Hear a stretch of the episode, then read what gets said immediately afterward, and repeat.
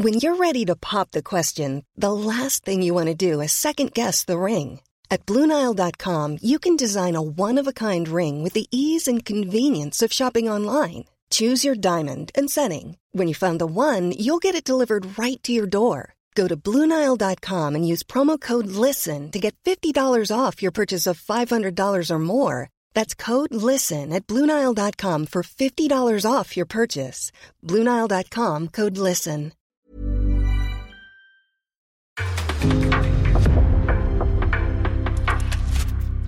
En podcast från Aftonbladet. In the supermarket, you have eggs class 1, class 2, class 3. And some are more expensive than others, and some give you better omelets. That's the wrong information. Wrong, wrong, wrong information. I didn't say that. That's the wrong information. Do you think I'm an idiot? Wrong, wrong, wrong information. Now look at me when I talk to you. Your job is to tell the truth. That's the wrong information. Sillypodden, det är fredag förmiddag. Vi har eh, massor med grejer att eh, gå igenom. Givetvis så sker ju allting som händer i världen nu mot en kuliss av det som händer i Ukraina. Eh, och den absolut största nyheten i fotbollsvärlden för stunden, den handlar ju om Roman Abramovic och Chelsea. Eh, Abramovic, en av de här omstridda oligarkerna eh, förstås från Ryssland som eh, gjorde sig eh, enormt rik. Vi pratar inte bara rik utan vi pratar fruktansvärt, en av världens rikaste människor eh, under 90-talet på då de naturtillgångar som fanns i Ryssland när Sovjetunionen hade eh, kraschat. Och det här är ju en, en eh, samling män eh, som det handlar om, nära Putin såklart, Um, som har kunnat göra det här. Roman Abramovic blev ju känd såklart när han köpte Chelsea. Och det går ju verkligen att argumentera för att han under de här senaste 20 åren har varit kanske hela fotbollsvärldens mest inflytelserika person. Därför att han förändrade spelplanen när han klev in. Vi hade haft rika ägare tidigare som Berlusconi och så vidare i, i Milan. Men inte någon med i det här sammanhanget obegränsade tillgångar. Det fanns inget tak för vad han, vad han kunde göra. Framförallt i det regelverket som fanns på den tiden. Där han kunde lyfta in vilken tränare och vilken spelare han ville eh, och bara bygga det här laget. Och just att han också gjorde det faktiskt ganska smart. Han gjorde det bra. Han valde inte d- dåtidens liksom mest meriterade, då hade han väl gått på, ja vem som nu var, Zidane... eh, Nej ja, men inte spelare utan jag eh, tänker tränare liksom för att Ja, bygga det här tänker så. laget. Han tog ju då Mourinho från Porto som var the most up and coming eh, tränare. Han satsade ändå ganska ungt, han satsade smart. Det var liksom, han la eh, de här pengarna på, på rätt hästar liksom. Mm. Eh, och är ju i, som en effekt av det som vi nu har sett en fotbollsvärld som har, som har förändrats. Men jag tror inte att vi har ett Manchester City eller ett PSG idag och nu ser vi Newcastle och det finns andra exempel eh, runt om i Europa. Om inte Roman Abramovic hade gått in i Chelsea på det sättet han gjorde och varit så framgångsrik. Då hade vi satt andra typer av investerare, eventuellt samma aktörer i bakgrunden.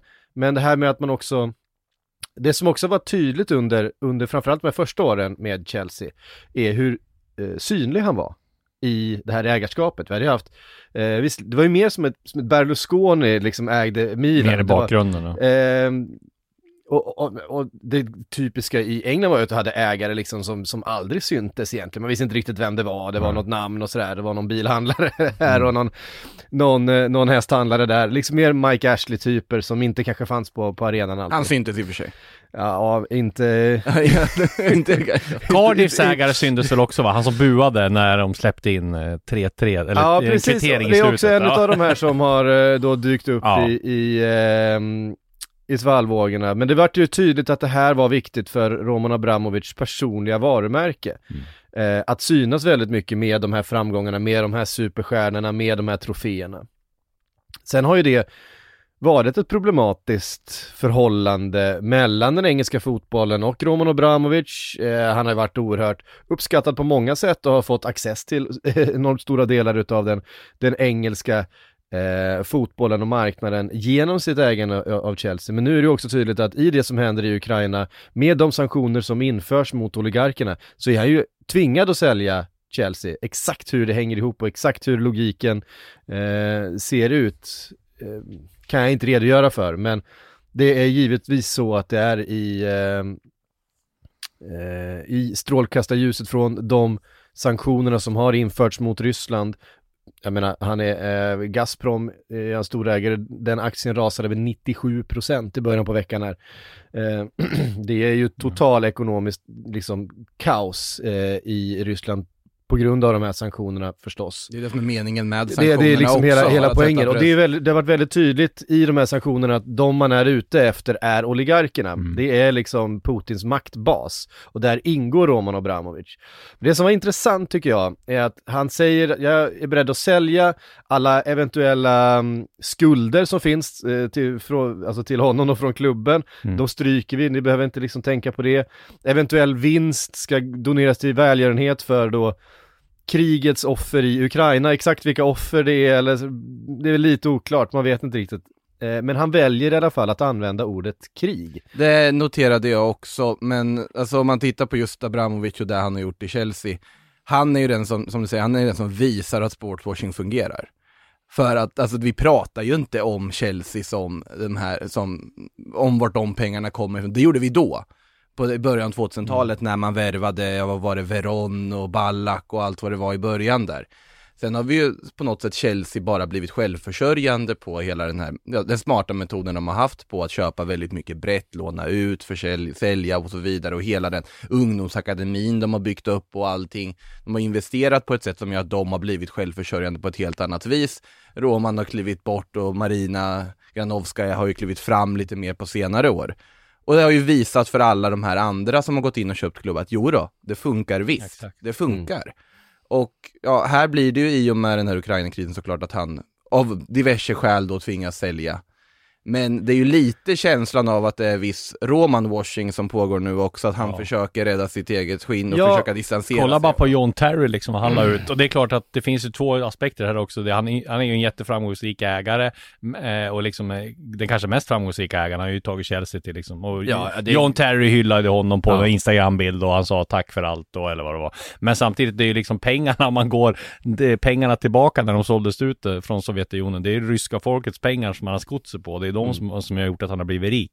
Så att det, det är ju liksom, det är ju inte helt oproblematiskt heller liksom. Att, och nu, ah, sen försöker väl han nu som du säger rädda, det är liksom Roman washing, rädda sitt eget skinn eh, och genom att använda ordet krig. Vi har sett alla ta, flera ta avstånd från Putin också, jag menar till och med Sepp Blatter, det var ju som en parodi när han går ut och tar avstånd från Putin. Okej, det är nog lite sent för dig att, att försöka eh, rädda ditt rykte, men det blir liksom, ja, alla försöker och det är därför han använder ordet krig också liksom. Det finns ju inte, Nej, och hans egen dotter som är en stor influencer i Ryssland, Ja. eh, ehm, eh, Sofia Abramovic, ehm, gick ut väldigt tidigt och var liksom, det här är inte Rysslands krig, det här är Putins krig, Mm. överstruken Putin liksom på, på Instagram. Det är ju, eh, det är ju enormt starka markeringar, Ja. man måste kom, förstå vilken kontext det här sker liksom. Det är, eh, det är något som man liksom inte gör eh, normalt sett ostraffat i det landet. Ehm, och sen är det här, de här uppgifterna också om att Abramovic har varit involverad i de här eh, mäklar... Eh, alltså Fredssamtalen. Freds, fredssamtalen Ja. mellan Ryssland och Ukraina. det säger väl en del om att han eh, var ganska nära på hur nära Putin han var då. Ja, alltså, man ändå det- anta. Ja, alltså vi vet ju inte riktigt vad han har för roll där, men på något sätt är han involverad och i det här engagemanget, i den här involveringen i, i, i det som händer just nu så vart det omöjligt för honom att eh, sitta kvar som ägare för, Mm. för Chelsea. Han försökte ta liksom ett kliv, ett annat kliv förra helgen när han lämnade över på något sätt styret av klubben till den här välgörenhet, eller den här foundation-grejen, vad det nu var. Det var jävligt oklart, för det, så funkar det ju inte riktigt. Det finns inget liksom så här, det finns ingen reell makt att, att liksom lämna över. Inte så att man har en, en talepinne som man bara kan skicka vidare. Det, eh, det, det, var- det var ett märkligt eh, uttalande från början. Eh, och nu då är, är, finns inte riktigt någon, någon möjlighet för honom kvar. Eh, han behöver ju få eh, antagligen tillbaks en del pengar också. Ja, det, det tänkte jag också, att det finns väl en ekonomisk aspekt i det, att hans rikedom har nog sjunkit ganska rejält. För det finns ju risk att, att, eh, att Storbritannien helt enkelt bara kliver in och, och skär av den, Mm. den tillgången ifrån honom. Eh, att, eh, Vilket de väl redan ändå försökt börja vilket, göra vilket, de, vilket är liksom är, eh, Abramovic är ju en av de som har nämnts i, i parlamentet tillsammans med också eh, Osmanov, Arsenals tidigare delägare nu som har har eh, vissa investeringar i, i Everton. Eh, det är två stycken eh, oligarker involverade i den engelska fotbollen som har namngetts av det, det brittiska parlamentet och då, eh, ja, det blir helt enkelt eh, omöjligt. Och det är klart att det är en en, eh, en era på ett sätt som går i graven, en, en oerhört framgångsrik men på samma sätt väldigt problematisk era och en, en era som förändrade fotbollen skulle jag säga för alltid. Mm. Eh, som jag inledde med att säga, jag skulle nog vilja hävda att Roman Abramovic kanske är den mest inflytelserika eh, enskilda personen inom eh, världsfotbollen de senaste 20 åren. Eh, Ja, därför det- att han förändrade, han förändrade spelplanen. Eh, och på ett sätt som, som ingen annan har gjort. Nej, och det var ju då liksom, jag kommer ihåg hur man snackade då när han kom in där, början på 2000-talet, att det var liksom, han värvade Winston Bågard och Michael Reitziger, sådana här stora som bara liksom, eh, det gick ju stories om hur någon av dem eh, lämnade en Ferrari på, på parkeringen och bara drog därifrån utan att, liksom när de skulle lämna klubben, utan att bara skita i den och att eh, liksom någon satt och spelade i Chelseas eh, reservlag i två, tre år bara för att han hade så hög lön liksom, han vägrade gå till något annat. Magnus Hedman. ja, nej, nej men typ, det var ju sådana såna stories som gick och det var ju då liksom de här riktigt stora pengarna och sen jag menar sen kom ju Sheikh Mansour in i eh, liksom eh, Manchester City också. där, får man, där får man ju säga att eh, det var ju några år efter och där har, har, har de ju också liksom, det är väl eh, hur City har byggt upp sitt Man City, eller City Ja. Football Group med klubbar över i, i Japan, Australien och, och alltihopa. Så att det var liksom Det är ju nästa steg i, Ja, i, i den här utvecklingen. Ja. Men vi, vi ser ju också att det, det eh, Roman Abramovic säljer här är ju en otroligt välmående fotbollsförening. Alltså Ja, de har ju en, en, en akademi eh, som är ett eget liksom miljonföretag, som en kassako. Eh, det finns ju Chelsea-spelare i snart vartenda topplag ute i Europa känns det som, som, som någon har betalat pengar Mm. Ja, men till. framförallt till titlarna Chelsea de för. har tagit. Och vad de har tagit titlar och vad, vad det är för, men den, den stora frågan, är, och det är ju det som eh, Abramovic aldrig gjorde, det är ju den stora upprustningen av Stamford Bridge. Nej. En ny ägare kommer ju vilja bygga ut, alternativt bygga upp, i alla fall rusta upp. Det är jäkligt svårt, alltså bygga ut den. Det är jäkligt Nej, det är trångt väldigt, där, väldigt alltså svårt. Fulham Road och alltihopa. Ja, det det- kommer bli... Det måste de nästan flytta, känns det ju som, om de inte ska riva massa bostadshus och grejer. Ja, nej, det, är- så är det ju. Det Ja. var väl som eh, White Hart Lane va, när Ja. de eh, flyttade den. Det var ett jävla Ja. bråk under många år och folk som inte ville flytta och någon, Nej. någon, eh, någon slaktare på hörnet där som eh, vägrade och det var liksom, Ja. ja, det var Nu när du säger det, det är ganska förvånande att de faktiskt inte har byggt en ny arena eller gjort något sånt under alla de här. Ja, jättekonstigt. Ja, Alltså, det, har ju varit, det har ju varit ambitioner men det har Ja. varit väldigt svårt. Ja. Ehm, så är det. Men det är ju märkligt när man kommer till Stamford Bridge. Man ser ju, man märker ju knappt att man är framme vid, Nej. vid en arena. Den bara, vad fan, den, den ska vara här Ja. någonstans. Ja men där, Där. är den nog va, liksom i det där kvarteret.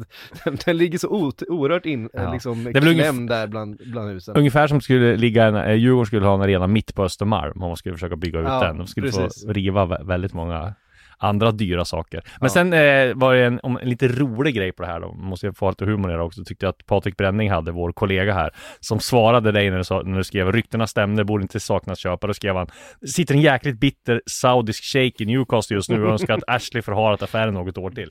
Alltså, Jag menar, tänk det där. Chelsea blir ledigt några, ett halvår efter att, eh, Rå- att han har köpt Bin Salman in. Newcastle. men eh, vad heter det, Stavely var ju ute här också och tyckte det var helt osannolikt att Roman Abramovic tvingades sälja klubben i det här läget i en lång tv-intervju också. Ja, det är klart att hon tyckte. Så Amanda Stavely är många saker, men hon är inte helt emot den här idén av att eh, oligarker ska kunna köpa Nej, inte, inte, inte riktigt, inte riktigt. Och hon vet att de kan i princip säga vad som helst när hon sitter där med sina pengar och kommer inte liksom röra sig. ändå. Men alltså det är ju också det, att det här sker på något sätt man undrar ju samtidigt då varför är det inget snack kring till exempel då de saudiska ägarna? Det blir en så stor sak. Ja, det var ju snack i och för sig. Ja, det Ja, var det väldigt varit mycket om. Newcastle. Jättemycket snack, men Ja. att liksom de sank- sanktioner och så vidare, absolut är en skillnad på det. Att det där Ryssland gör nu har liksom kommit i dagsljus, men man måste också komma ihåg allt som sker på andra delar av världen. Ja, och det är ju såklart att det här sker ju väldigt mycket, vi, det handlar ju verkligen om vad som rubbar världsordningen och inte. Mm. Jag menar, Saudi bedri- bedriver ett enormt blodigt krig i Jemen Mm. just nu. Där bin Salman såklart är allra högst involverad och, och där det begås fruktansvärda krigsbrott liksom. Ehm, Men sen är det väl också så att liksom som supporter kan jag tänka mig att om du har hållit på Newcastle hela ditt liv och så kommer in en sån där, det är liksom det är svårt att vilja se allt liksom. Det är ju det, Ja. det, alltså man, som Det är- supporter så kollar man ju säkert via liksom klubbfärger och först och främst och då vill man kanske liksom inte, ja men, och och framförallt att det har varit så vanlig för, eller är en så vanlig företeelse Mm. runt om i fotbollsvärlden. Den där skillnaden hade varit någon det är väl därför det inte liksom kommer upp till ytan. Men det har ju varit, ska vi säga, Oj, stora grejer med Ja, Newcastle. såklart det har varit Stora stora grejer, grejer, stora, inte så, varit ja. stora debatter. Är Men det är väl det att man vill sitt eget lag. Man får ju, Newcastle-supporterna får liksom, det blir som Championship manager där. ja, det ehm, ja, det är oerhört problematiskt och den som öppnade dörren en gång i tiden Exakt, var Roman Abramovic. det Det, är det jag menar, det det. är därför han är den mest inflytelserika personen i fotbollsvärlden de senaste 20 åren och nu ska han sälja Chelsea. Och vi får se vad, vad som händer, det fattas inte köpare som vi var inne Nej. på. Det snackas om ett schweiziskt konsortium som ska ha, Hans Jörg Wyss Hans hette- Jörg Wyss heter han så?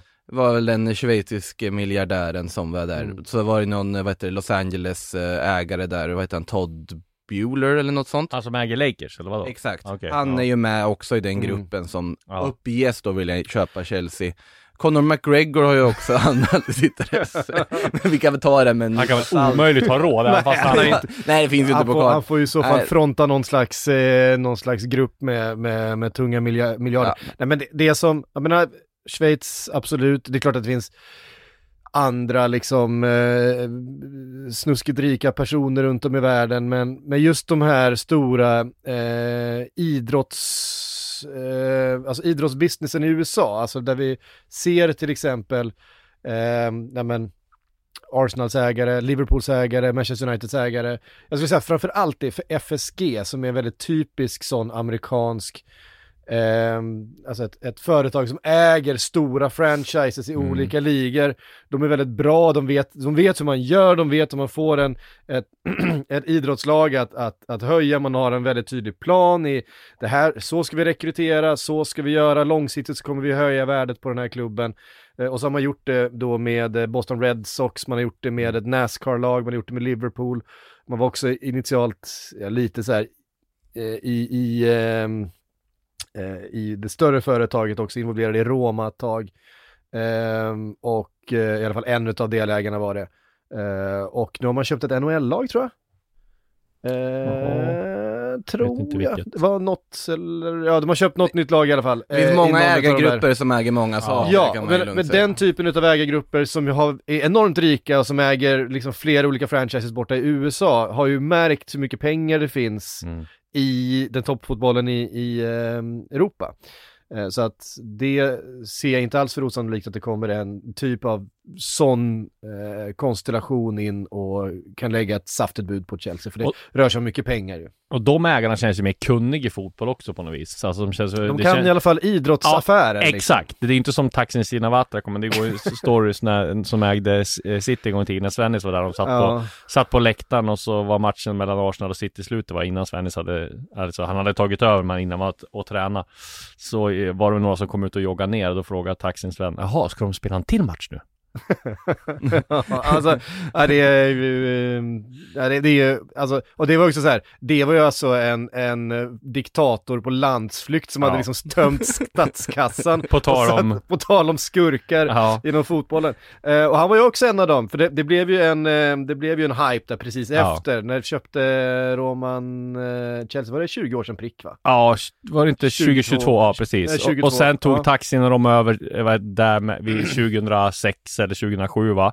Och sen så fick ju Sven, eh, Göran Eriksson och Hasse Backe sparken där eh, 2000... 2008 Ja, typ. Ja. Och då gick det typ 3-4 månader så tog Sheikh Mansour över. Ja, Alltså precis. det finns ju en viktig aspekt i det hela också med de här amerikanska bolagen. Problemet med dem om man tittar rent sportsligt, det är att de ser det som att de vill gå med vinst på saker. Ja, ja. Och det, och det är ju en stor skillnad på, det är också Roman Abramovic säger att han försökte ju inte gå med vinst på det där laget. Det var ju aldrig det som var hade grejen. Det var ju intresset i Chelsea, intresset i att göra den klubben så bra som möjligt. Om du ska ha det intresset som ägare, måste du räkna med att det är ju inte en bra ekonomisk affär att äga en fotbollsklubb.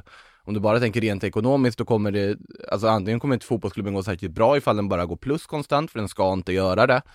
Eh, I alla fall inte i dagens eh, liksom, dagordning om hur fotbollen ser ut idag. Det är så Barnsley har det med Paul, eh, den här Paul Conwell vad är det, de som äger samma som äger Genoa, de här amerikanska ägarna. Kolla hur det går för dem. De är också så här, det spelar ingen roll om de åker ner till League, League One liksom. Eh, bara klubben går med vinst och de har gjort, ja, gjort sig av med väldigt mycket. Ja. Spelare och ledare. Eh, nej, så är det. Men vi, eh, vi får väl helt enkelt bara konstatera att vi, vi följer ju såklart den här eh, frågan. Vi kommer prata mer om den i, i, på måndag i Premier League-podden också. Eh, följer vad som händer där.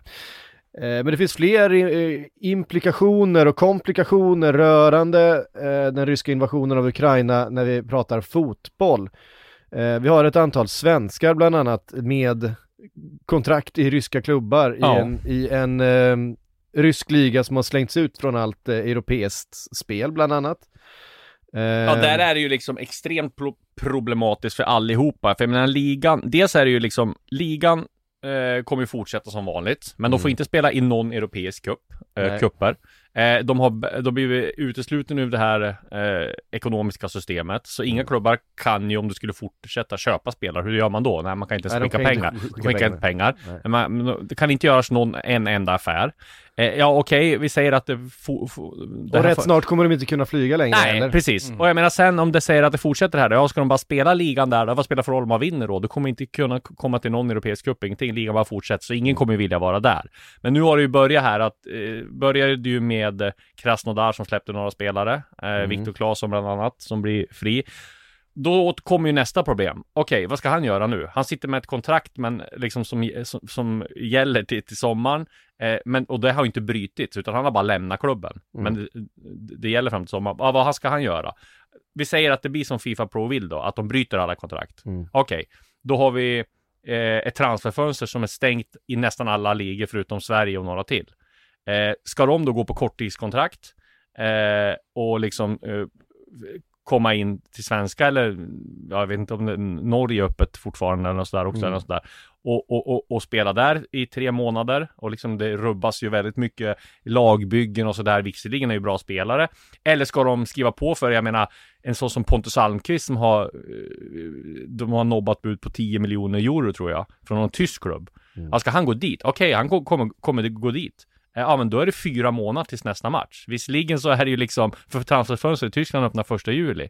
Eh, ja visserligen kommer han få med och trä, ska man få med och träna med A-laget när de eh, slutar säsongen och sen åka på semester och sen komma tillbaka. Ja så kanske det blir då. Men det är ju ändå så här att du missar, du får i, missar matchträning på fyra månader så det blir ett jättedilemma. Mm.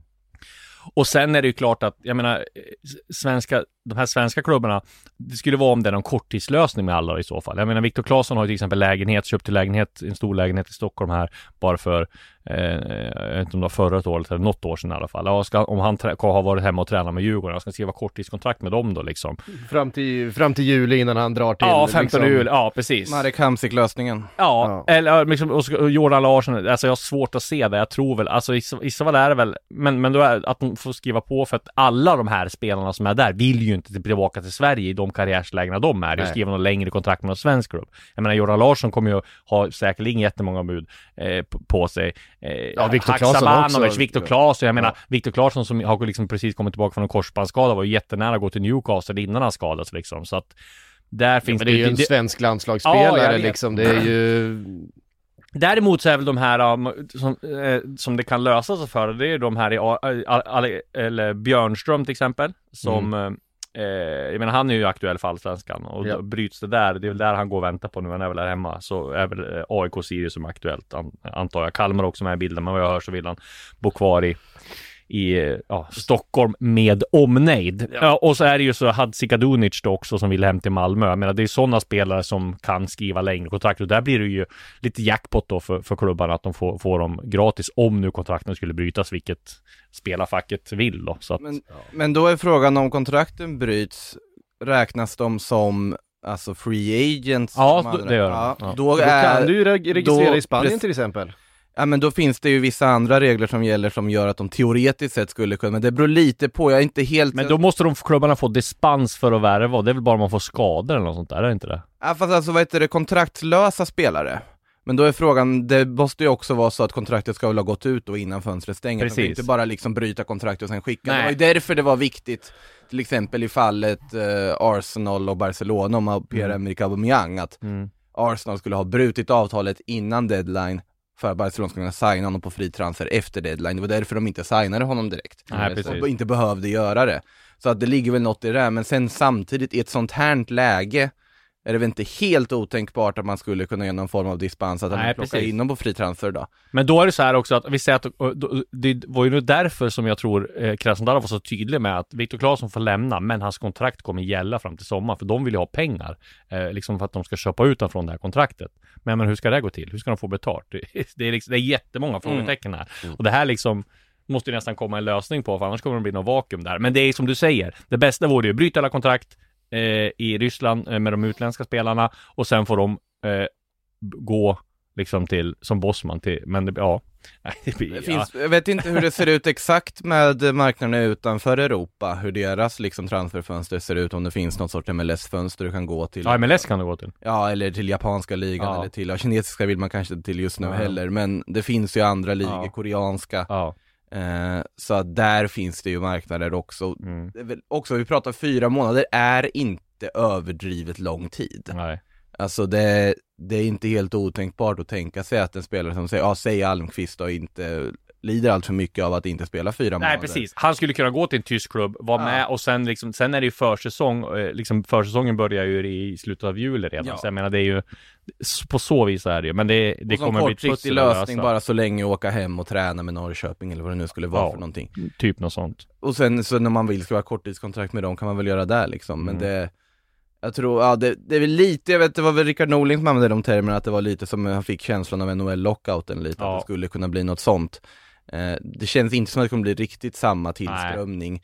Det känns ju inte som att de här absolut största stjärnorna där borta kommer känna, "Nej, men jag ska hålla igång i Nej, allsvenskan men, och men, fly." men, då har du ett problem till. Ta Pontus Almqvist till exempel, som har gjort sex mål och... Ja, Han gjort det jättebra Han, han har gjort det Ja. jättebra.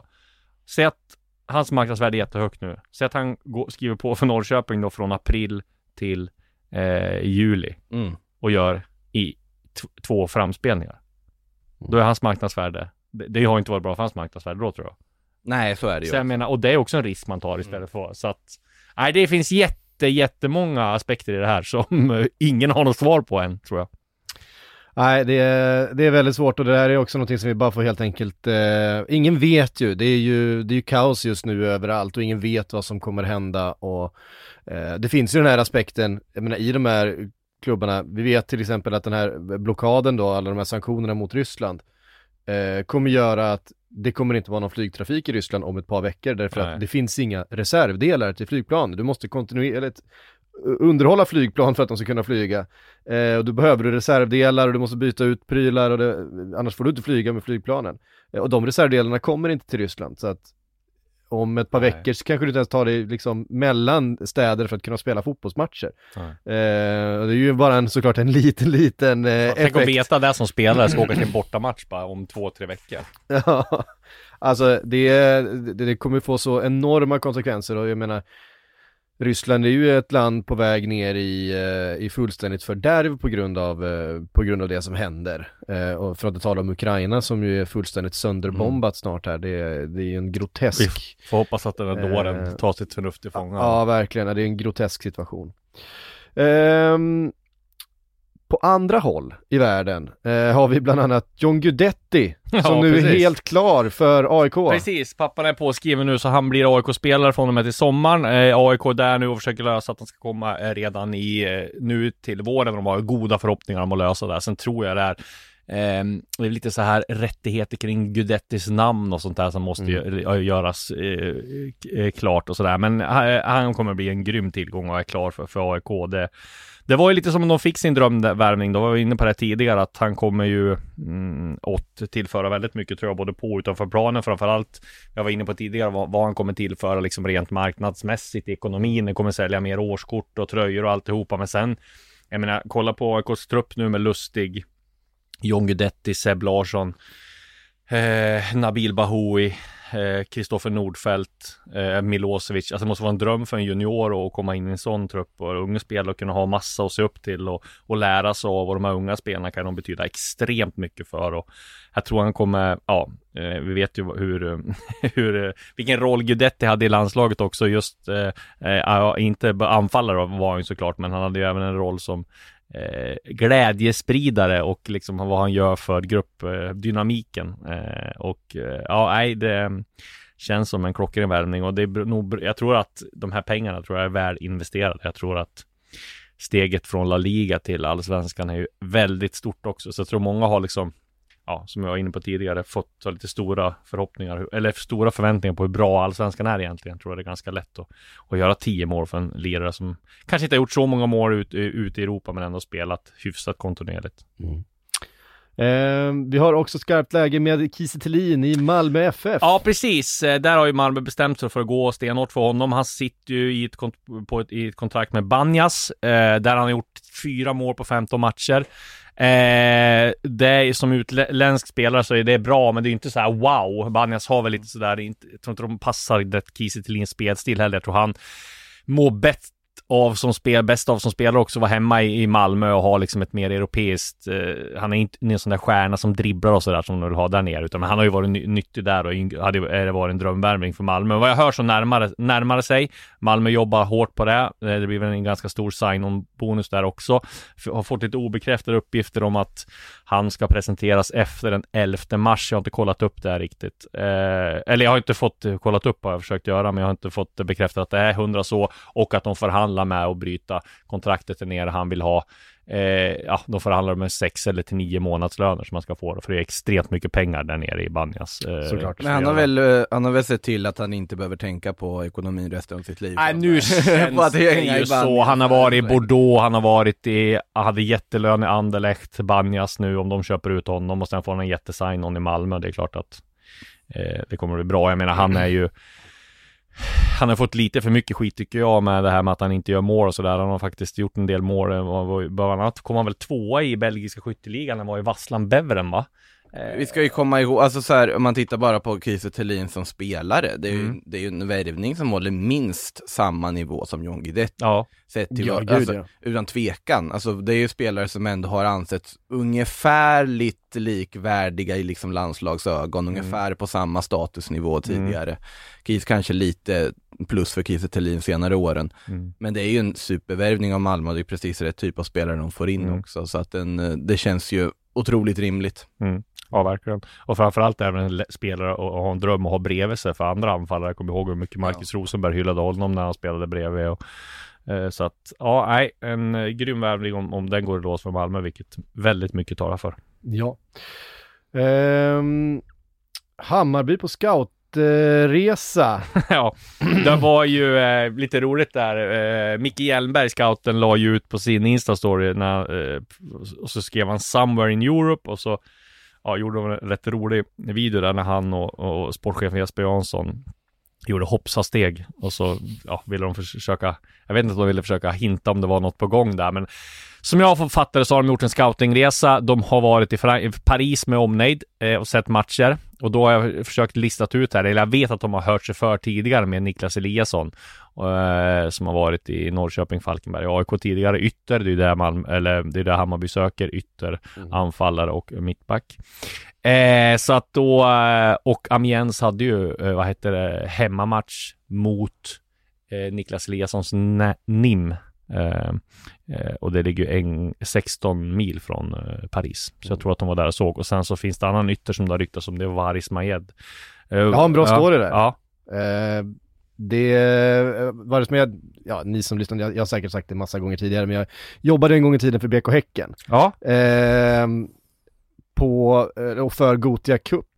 Så att, eh, var då presschef för Gotia Cup och, och jobbade resten av året som någon slags skribent och Mm. gjorde webb-tv och här saker för, för BK Häcken då. BK. Häcken-podden fanns den på den tiden?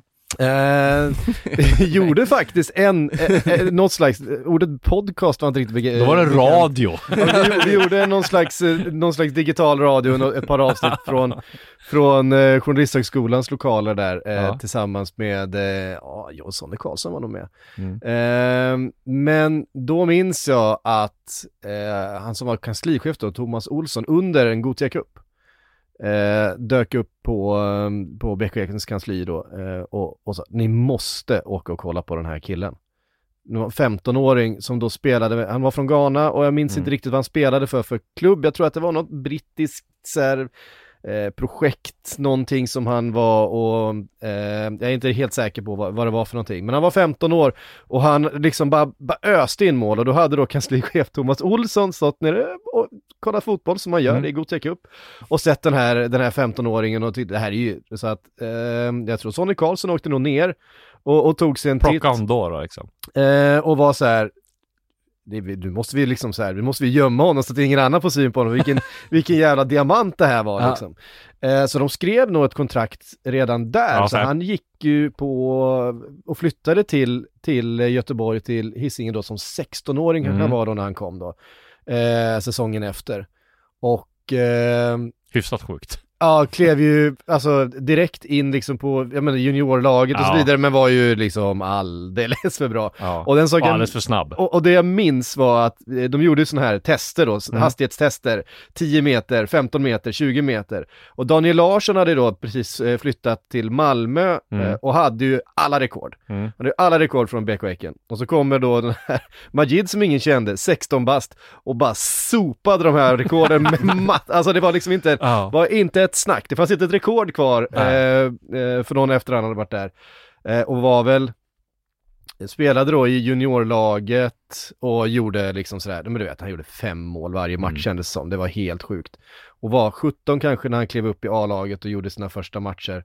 Och redan där kände man ju, den här killen är för bra för allsvenskan. Ja, han var grym. Eh, han var fruktansvärt bra och spelade ett par säsonger och eh, stack iväg väl till Ryssland först. Ja, precis. Var han en sväng varit nere i Portugal. Eh, Porto en sväng. han var i Porto och spelade en del och var ganska bra. Han var väl inte ordinarie direkt men... Nej, det var inte så många matcher han gjorde där. Jag ska ärligt säga att jag googlar här nu också. Ja. Men, eh, nej men sen har han ju varit i Frankrike liksom. Nans gjorde han väl en hel del, Strasbourg nu Ja. liksom. Det är ju, en- han har ju varit på en bra nivå, extremt många landskamper för Ghana på CV. Mm. Faktiskt inte mer än eh, 30-31 där fortfarande. Så att han, han är ju inte så gammal. Sjukt Men, han inte- ja, man, Ja, jag vet. Han är 30 år. ja, du, du hur, tänkte kan han, att... hur du, kan han inte fortfarande vara 17 Ja, du- bast ja, och du komma ser det in på på kansliet och fråga ifall man, vart man skriver ut papper? Ja, du, du ser det som en evighet på så vis, det- för det är ju sant i och för sig. Det är jag som har blivit gammal. Ja, Men de hade alltså, Strasbourg hade ju också match då och mellan Mm. Strasbourg och Paris tar det typ en timme och 50 minuter med sådana här snabbtåg. Ja. Terrain Grand Vitesse. Så att jag tror att också man var där och kollade på honom. Sen om de lyckas värva eller om det är aktuellt med värvning, det vet jag inte. Men de har varit på scoutingresa i alla fall. Ja, det hade varit väldigt roligt att se honom tillbaka i Allsvenskan i Ja, alla fall. Det liksom, man gillar den här typen av cirkelslutningar eh, på något sätt. Mm. Ehm, Alltså det känns väl mer spontant eh, rimligt med honom än Niklas Eliasson till Allsvenskan. Jag förstår inte riktigt varför Niklas Eliasson skulle vilja tillbaka till Nej. Allsvenskan i det här läget. Han är ordinarie NIM i League 2 då. Ja, Så- precis, och gjort det bra där Ja. också. Gör en hel del poäng och då gjorde han det väldigt bra i ligan säsongen innan och är väl i princip bara där för att de åkte ur och han trivs i den Exakt. klubben. Och jag tror att om han skulle gå tillbaka till Allsvenskan nu då blir det nog jätte, ganska svårt att, att komma ut igen tror jag. Det måste vara ruggigt bra. Sen är det bra att kunna stanna ute och ha de där meriterna ändå som han har och kunna få något. Eh, Nu vet jag inte vart NIM ligger i tabellen riktigt, men det är väl Nej. inte helt otänkbart att se en återkomst i ligan om man trivs där borta också. Det är ju en bra nivå på den ligan. Finns det ju inte överhuvudtaget någon anledning för honom att flytta hem, kan jag känna i alla fall. det, är, det är nog så. Så är det nog. Ehm, vi eh, konstaterar också att eh, det inte blir Sydkorea för eh, Ludvigsson. Ludvigsson, nej. fasen. Han, Att vi, han, att vi ens trodde att det skulle bli det känns så självklart Ja, men det ändå. kändes, ja, men han, han kändes ju som typen som liksom gillar ett äventyr, eller? Ja, verkligen. Det, det gör jag. Men samtidigt så, det här att han förlänger nu, för att han tackade nej till det här uh, Ulsan Hyundai. Precis. Eh, och det var bra mycket pengar han tackade nej till, så hans eh, legendstatus eller odödlighet i, i Bayern blir väl eh, ännu större än det här. Legend kanske han inte är än, men han har spelat två säsonger, men han har ju extrem popularitet och supportrarna, jag fick, när jag skrev den här nyheten så jag var ju extremt mycket respons. Det var ju i klass med Gudetti till AIK där, så att man, Mm. man ser ju vad han betyder för Hammarby och det är väl lite grann så här också. Hammarby har saknat en sån här spelare och jag menar lojalitet gentemot klubben, det är ju är det liksom som, som, ja, det är ju supportrarna vill ha. Ja men det, alltså, sen Kennedy kanske egentligen, alltså Ja. en, rikt, en riktig galjonsfigur. Ja, och det är framförallt det man saknar i Hammarby nu, det gör man lite, det är liksom den här stock, eh, så förankringen i Södermalm och sådär. Nu är han från, eh, eh, vad heter det? Göteborg. Ja, men vad heter det? Den där Sävedalen. Sävedalen, Precis. ja. Och så, att, men jag måste den här symbolen för lojalitet, dels det som hände med Milos här med, och allt som har varit i Hammarby tidigare, så där att de inte har så, så vill man ju ha en sån här och, och luta sig mot och det tror jag är ganska skönt att Hammarby-supporterna fick då, då. Han har ju alla chanser att bli eh, en ja, odödlig Hammarby nu om man skulle spela ut sitt kontrakt som går ut 2027 då, om han är lika bra så att Ja, eh, det blir det ju. Det är inte ofta man skriver sådana långa kontrakt i den här serien heller Nej, precis. Och i den det- åldern, skulle Nej, säga. det är också så att det finns ju många aspekter. De har ju haft liksom kultfigurer och sådana som har, som har, jag tänker på här, spelare som typ liksom Fällman till exempel, som Ja. blir väl otroligt populär bland fansen. Men det är ju inte liksom den nivån Nej. som är aktuell för sådana stora flyttar, så att på så vis är det ju också med tanke på det du nämnde, liksom Milos, du har Akin Kummiamo, du har Viljot Svedberg som vill till Ryssland. Ja. Det är liksom många aspekter som gjort Hammarby till ganska stukad eh, liksom supporterskara under Ja, här. Billborn, han var ju den Södermalms liksom ikonen, eller ikonen, men i alla fall den här som, som var Mm. Södermalm personifierad, Hammarbyare som barspel liksom, att han fick sparken också. Det var, här, precis- var precis vad Hammarby behövde och det var väl det som vi spekulerade på in, eh, innan, att det var väl att gå och förlänga eller liksom att ge en Mm. topp tre-lön i Hammarby, så, så det, det gissar vi att han har fått Det nu gissar också. jag att han har fått ja. Vi får alltid mycket frågor om Varberg Ja, eh, när vi ska spela in det här. Och då har vi, Nu har vi ju. nu har vi ett Varbergsfynd. Jahim Burke från eh, Hammarby talang, Hammarbys organisation, Hammarby Talangförening. Eh, en mittfältare som ska vara snabb teknisk. Jag ska säga att jag inte har stenkoll på, på honom, jag har gjort lite research. Och jag menar, det som talar för att han lyckas är väl Jocke Persson. Han har ju gjort eh, succé med eh, Ja, vad får man säga? Leftovers eller liksom spelare som ingen annan allsvensk klubb vill ha och väldigt eh, väldigt, eh, ja men spelare som ingen kände till liksom. Så att det är väl det som talar för att det blir succé här också. Sen kan man aldrig garantera det, men det är en sp- en spännande spelare som har gjort väldigt, gjorde väldigt många mål i division 1 eh, förra året. Shoutout till Varbergssupportrarna som är på tårna där Ja, det är kul. sociala medier. Måste, vara- som sagt, måste vara svårt att vara, liksom, hålla koll på alla som kommer till Varberg, för det är alltid några nya namn. det är helt som- omöjligt. Det är helt omöjligt. Och det är det, Sydafrika, det är Holland, Ja, det är de- de hittar- Oskarshamn, det är Haninge tidigare. det dyker upp en Tashreeq Matthews från Ja. ingenstans som är helt liksom fantastisk. Ja. Sen är ju frågan, hur länge ska Jocke Persson kunna koka soppa på spiken? Jo men det har vi sagt, det har vi Ja, sagt hela Ja tiden men det, nu. det är ju två, ja, det- jag säger det varje år också, Ja. och så lägger ett varningens finger för Ja. att ska inte sagan hinna, ska inte hinna ikapp på Nej, något sätt verkligheten snart, för det ska ju inte gå där. Nej. De ska inte kunna vara så etablerade som de är. Det är konstigt. Jocke Persson fick ju, Mjällby försökte ju hugga honom här förra, eller inför den här säsongen. Han var ju för deras första val, men alltså tackade nej och det är väl inte helt omöjligt att han skulle kunna ta någon större klubb. Det är konstigt att inte han var aktuell för Hammarby till exempel. Fast det är ju också så här. Det är svårt, hur han skulle fungera i en större Nej, miljö, det vet inte man ju inte Nej, heller. Han precis. passar i den där miljön. Sen, sen är det ju lite känslan att det också är lite spel för gallerierna när han eh, låtsas som att men vi har inte så mycket taktik när vi ska åka och möta Norrköping nu, vi ska väl bara sparka lite på Ja, Jean nej, det är ju Det är ju bara ett påhitt, Ja, ja, liksom. ja, han har ju nej, nej, otroligt mer koll på allting. Så att eh, skenet bedrar väl lite, men samtidigt, jag tror att han måste nästan göra, fortsätta koka den där soppan ett tag till för att det ska vara aktuellt Så med en kanske. större klubb. Så kanske. Vi har lite, lite internationella nyheter, fönstret är stängt där ute för eh, i de stora ligorna, men eh, Barcelona, de eh, går på en sån här Juventus PSG-modell nu, eh, för övergångssummor, det har man inte pengar till. Eh, så då, då får man gå på free transfer, så det finns några där ute som är intressanta. Eh, Frank Kessie, eh, Andreas Christensen, känns, det kommer ju rykten om att han faktiskt är helt klar för Barcelona. Ja, det kommer rykten om att eh, Kessie är helt klar, det kommer rykten om att As Aspilicueta är så gott som klar, Madraoui ska de vara i förarsätet för. Jag vet inte riktigt vart de ska få plats med alla de här fri transfervärvningarna de verkar försöka göra klart med här och nu, men om bara spontant, Kessie som kommer in, det är ju supervärvning till det här mittfältet, även om jag har svårt att se vart han ska gå in och starta. Eh, lite förvånad att han inte, det känns han kändes ju Premier League-bound tyckte jag, mer eller mindre egentligen och han borde vara aktuell för typ alla klubbar där egentligen med tanke på hans kvaliteter.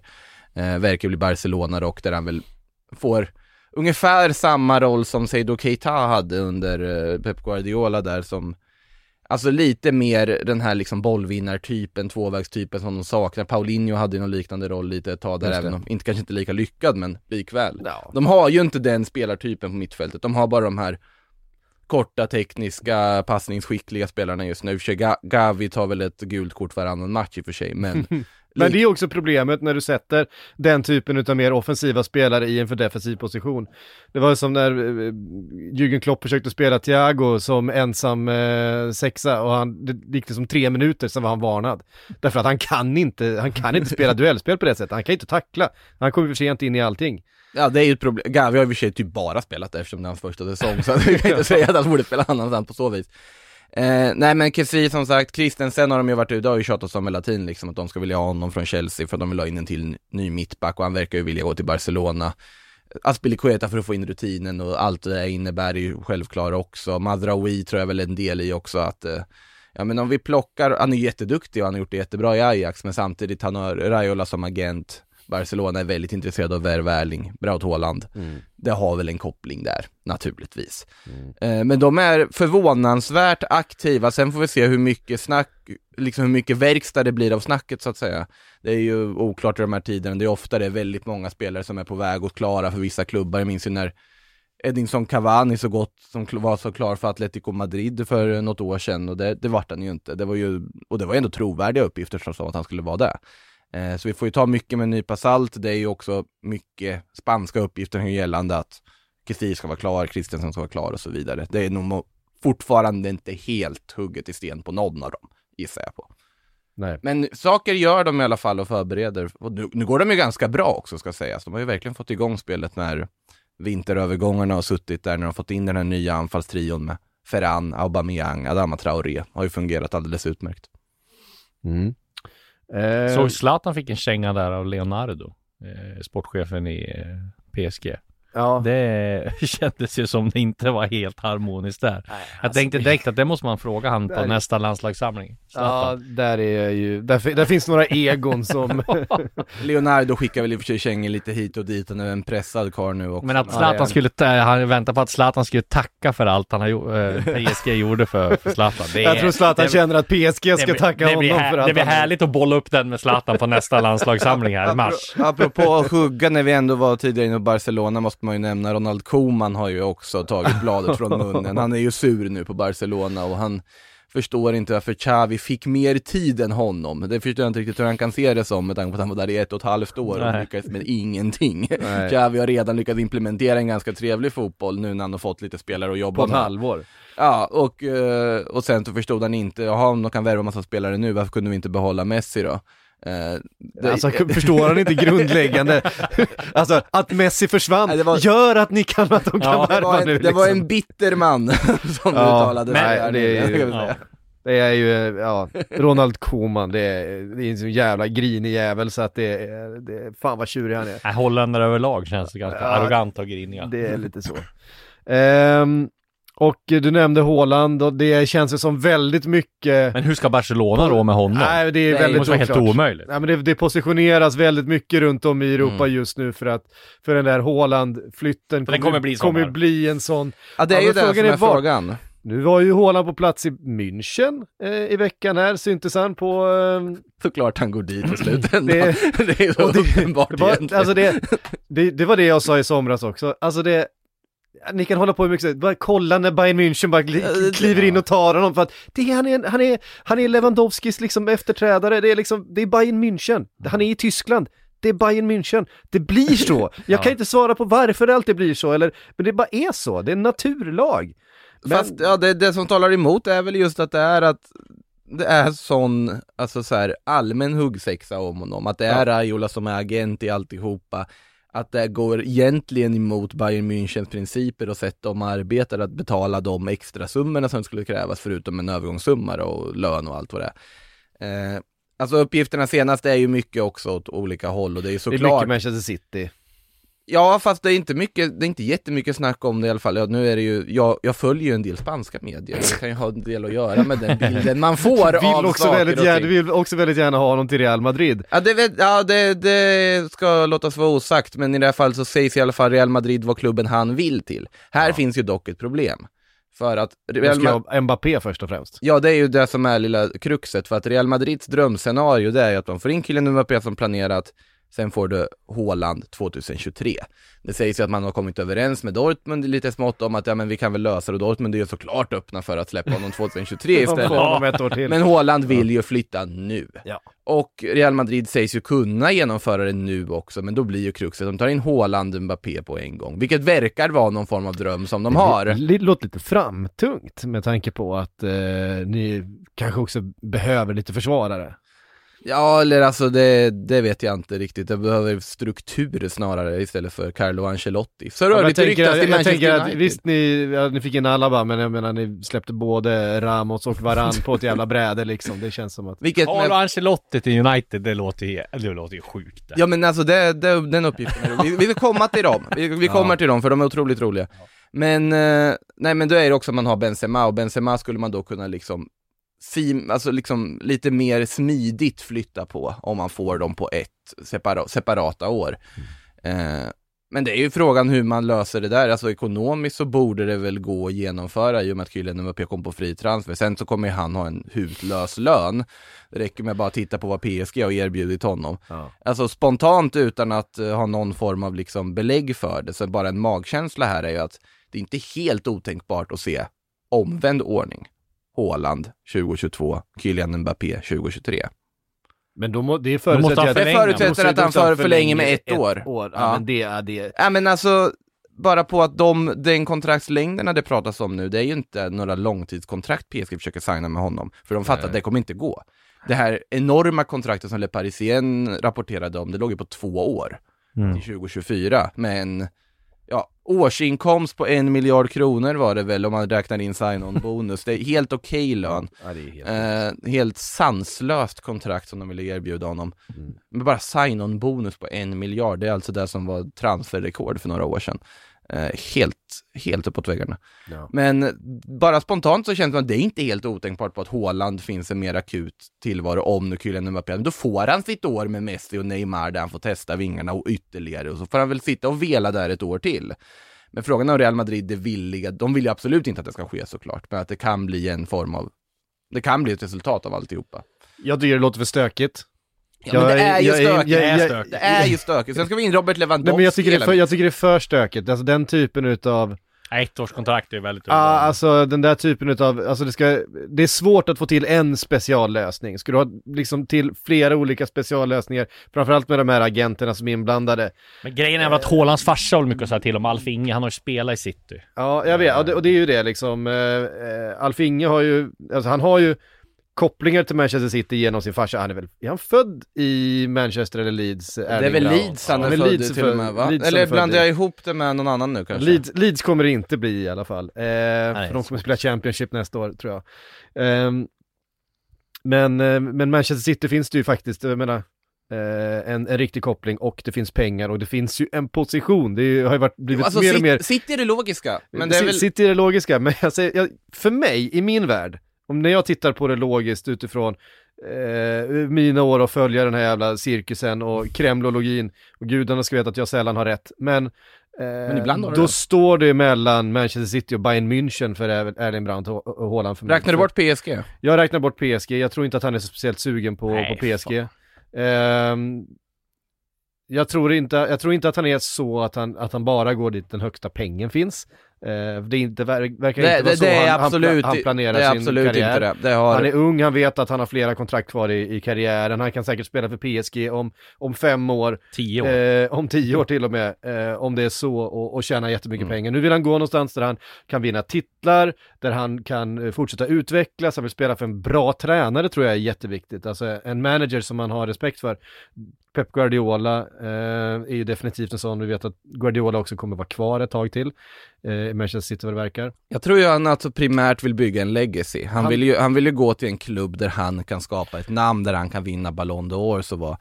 Och, Och, det, och det tanke, och jag tänker också med tanke på hans koppling till, till Premier League, till den engelska fotbollen, genom farsan och genom att han faktiskt är född där, eh, och, och har liksom det känslomässiga bandet, så förstår han ju också, så den, den och så bara att han är norrman och hela Norges koppling till den, den engelska fotbollen. Mm. Den engelska fotbollen är ju liksom enormt Mm. mycket större i Norge än någon annan eh, fotboll, och jag tror att han bygger sitt främsta le- legacy i en engelsk klubb. Och då att kunna göra, jag bara, du vet, bara ser bilderna framför dig med liksom Alf Inge i den gamla Manchester City-tröjan på 90-talet, eh, i övergångsvideon och du vet så här, nu kommer sonen.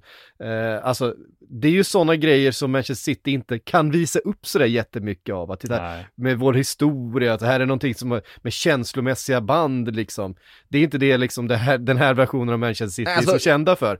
Men det tror jag skulle betyda jättemycket för dem, för de skulle kunna nästan se det här som en, som en av våra på ett sätt, som eh, de ganska lite kan göra med en, jo, alltså det är ju, all logik och allting, all liksom rim och reson säger ju att City skulle vilja det och att det skulle vara ett rimligt steg för Haaland.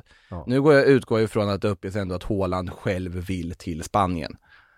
Och om det nu är så att han skulle föredra Spanien, då är det två klubbar det handlar om. Det är Real Madrid och Barcelona, det är därför vi fortfarande pratar om dem. Eh, så att ja, det, det finns ändå någonting i namnen på de klubbarna. Det finns någonting i namnen fortfarande, oavsett hur allting ser ut, att Real Madrid och Barcelona har en annan attraktionskraft för de absolut största. Än vad en klubb som Manchester City har och det spelar ingen roll hur många katariska miljoner du pumpar in i det. Det finns vissa klubbar som kommer stå liksom över. Sen har den världsbilden rubbats något. Absolut. Och det är ju återigen om vi då kommer tillbaka där vi börjar prata om med att Chelsea har ju byggt upp en status idag. Och den kommer ju från att ja, det, det är ju 20 år som man har jobbat med det här. För att Chelsea ska nå den statusen egentligen. Som, som de har idag, att de kan attrahera de absolut allra bästa i världen. Det kunde de inte göra för tio år sedan. Inte på det här sättet som, alltså, i alla fall inte de, de här absolut, alltså världsstjärnor, ja. Men de här crème de la crème, Ballon d'Or-vinnarna, de går, det är liksom klubbar som Real Madrid, Barcelona, Bayern München, tidigare Juventus. Inte nu för tiden kanske. nej, kanske inte. Eh, Nej, och sen, jag menar, eh, sen är det ju det här med Bayern München och det är ju bara mest för att de tar den bästa spelaren från, Från Dortmund. Dortmund, jämt. När, det, är bara, det, det är bara så det Ja. funkar. Och är, är inte eh, den bästa tränaren i Dortmund så tar de han ändå. Det tog ju Nagelsmann från.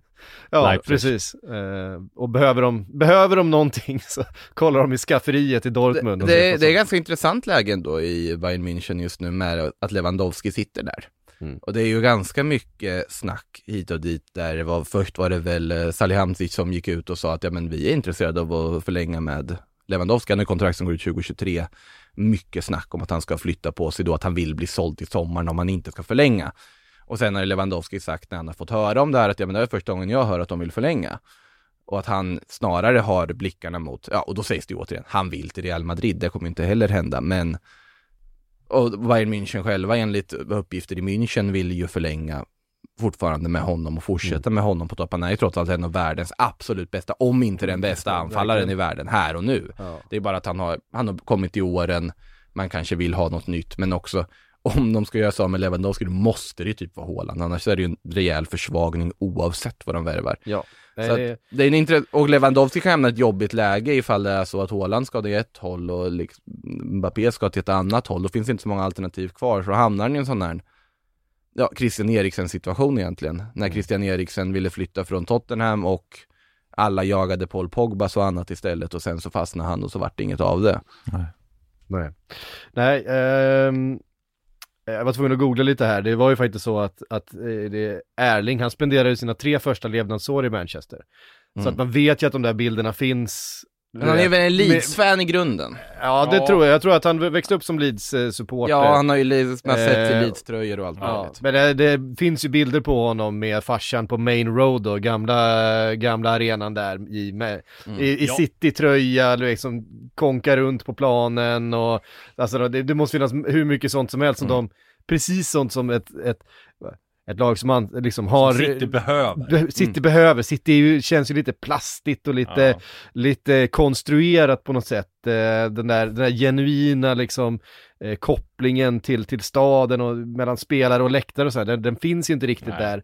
Eh, och det här är ju- hade ju varit en sån grej som verkligen hade kunnat vara deras, deras jävla superstjärna. Men också sen att han är uppväxt, som du säger, alltså Premier League är ju så gigantiskt stort i Norge. Det var Mm. bara när jag var korre där i London, då var det på alla arenor. Du trodde du, när du var, kom närheten så var det norska överallt typ. Ja, ja. Det är helt sinnessjukt. ja men det, Eh, det går inte att åka till Liverpool nej. utan att höra, no- det första man hör är norska och sen så hör man engelska eventuellt en liten stund senare. Och just att han är uppväxt, för han, kom, det, han är i den generationen som verkligen är uppväxt med det här och det tror jag Mm. kommer spela in också när han gör valet. Ja. Tips, lägst odds skulle jag sätta på Manchester City. Logiken säger det, men jag tror Spanien. Ja, ja, vi får jag se. har vi känslan av Spanien, alltså Ja. att eh, han, han vill gå sin egen väg också. Ja, Det det, och det kan jag också tänka mig. Han är ju, han är ju lite egensinnig. Han Ja, vill ju gärna gö göra sina egna... Och jag, och jag vill inte utesluta Barcelona att de på något sjukt vänster lyckas Ja, det, lösa det här det också. ser jag. Ja, alltså, alltså på någon, något sätt Alltså, lyckas. jag vet att Barcelona, det är ju liksom eh, gigantiskt att spela där, som du säger, de, det är Mm. liksom Det finns ju några klubbar som kan attrahera världens bästa, även fast de inte är Mm. Men hur, hur ska de ha råd, det är det Ja, det, det, jag har svårt att se dem eh, ha råd här och nu. Jag tror att nu fick de in eh, Aubameyang som har liksom gått bra. Eh, de har en anfallsuppsättning som känns okej just nu. Jo, Eh, Alltså det här förutsätter ju naturligtvis att de tar en CL-plats och de fortsätter liksom utvecklas under den här våren. och, och får och- ett banklån. Ja, ett nytt banklån, de löser, kanske behövs en superliga också. Ja, det, det kom ju också i veckan. Nya, eh, ja, Juventus, Real Madrid och Barcelona fortsätter eh, jobba på med Super League. Eh, de är, sitter ju själva i den där båten Ja, fast de sägs ju inte göra det, det sägs ju som att nu ska de ju fått med lite fol- folk på tåget igen där. Bland annat eh, ditt kära Liverpool ska ju vara ett av lagen det, som... det är väl inte helt bekräftade uppgifter. Nej, det, det var Jag väldigt många som högg på de där uppgifterna sett till hur obekräftade de, var. De, de förnekade ju nu, det är som direkt, men jag är helt övertygad om att eh, FSG är fortfarande är Absolut, går med de här planerna. absolut. Det, det, De- de det råder ingen tvekan om att de, de vill ju att det här ska hända. Men eh, de inser också att det är liksom taktiskt lite, lite dåligt läge. Just. Också- De måste lägga lite is på det ett par säsonger till nu efter fiaskot. Också intressant att eh, Schäferin var ute där och, och högg ju direkt då att det är helt sinnessjukt hur man kan försöka lansera en ny superliga mitt i ett pågående krig. Jag håller helt med. Kruxet är att Uefa samtidigt lanserar sitt nya format för Champions League och visar upp det. ja. Eh, Ja, och, det här nya och, och, och, ligaformatet. Fi- och Fifa vill ha VM vartannat år. Ehm, ja men det har de ju velat ha hela tiden, jag ja, förstår inte men det varför blev de nu- sågade nu också. Ja. Ehm, Kul värld! Kul värld. Eh, och det som också har kommit då är ju att eh, Dortmund, Dortmund gör sig ju redo att sälja eh, Erling Braut och de sägs vara intresserade av Timo Werner och han känns som att han behöver flytta Han hem. behöver nog flytta på han, sig han, han behöver flytta hem till Tyskland Ja. och börja om igen för att, jag menar, han öste in mål i Leipzig. Han gjorde du kan, han faktiskt kan ju ett- fan inte ens träffa kortsidan Nej. liksom. Eh, Han gjorde faktiskt 1 plus 2 mot Luton här i kuppen. Så att, alltså, Ja, jo, eller var det till och absolut. med 2 plus 1, jag minns inte, men han, han Nej, gjorde jo, poäng i alla fall. Ja, i en match som Chelsea höll på att torska ju. Första i post-Abramovic-eran när de släpper in mål mot Luton efter några få minuter. Eh, men de vann ju till slut. Lukaku gjorde mål också. Ja, ja, det är två, två kanonvärvningar det där. Just med Timo Werner kommer jag ihåg När Malmö mötte Chelsea Vad hette det? Borta så var jag där på I Champions League så var jag där och så pratade jag med en brittisk kollega så Jag var någon som sa He can't fucking score! It's amazing, he can't fucking hit the ball! Jag var helt så här Helt Ja. tokig över att Timo Werner Ja, han har, han har haft det kämpigt. Ja. Han har haft minuspsyke sen han eh, drog på sig den där tröjan för första gången känns det som. Nej, hörde ni, vi måste knyta ihop den här. Eh, det, är, Säcken. det är mycket att göra den här fredagen. Ja. Eh, alla frågor som ni har skickat in, vi hann inte med det idag. Skicka vidare dem till Premier League-podden på måndag så ska vi eh, ta upp den. Det är mycket om Chelsea såklart och framtiden där. Men inga Varberg-frågor? Eh, det var, det var, men vi tog ju upp Varberg. Jo, det gjorde får- men inga får- frågor. Då får de, jo det dök upp någon Varberg-fråga också. Eh, men de får fan lugna sig nu. Nu har- de fått eh, vad, vad, de, vad de förtjänar. Eh, men eh, Sillypodden är tillbaka med en vecka igen och eh, Premier League-podden på måndag, då fortsätter vi prata Chelsea såklart och allting som händer där. Eh, eventuellt kommer det något mer om Superliga också som jag inte ens orkar tänka på. Eh, bra, Life is made up of many gorgeous moments. Cherish them all, big and small, with Blue Nile. Whether it's for yourself or a loved one, Blue Nile's unrivaled selection of expertly crafted fine jewelry and statement pieces help make all your moments sparkle. Blue Nile's experts are on hand to guide you, and their diamond guarantee ensures you get the highest quality at the best price. Celebrate a life well lived in the most radiant way and save up to 30% at BlueNile.com. That's BlueNile.com. Trevlig helg på er.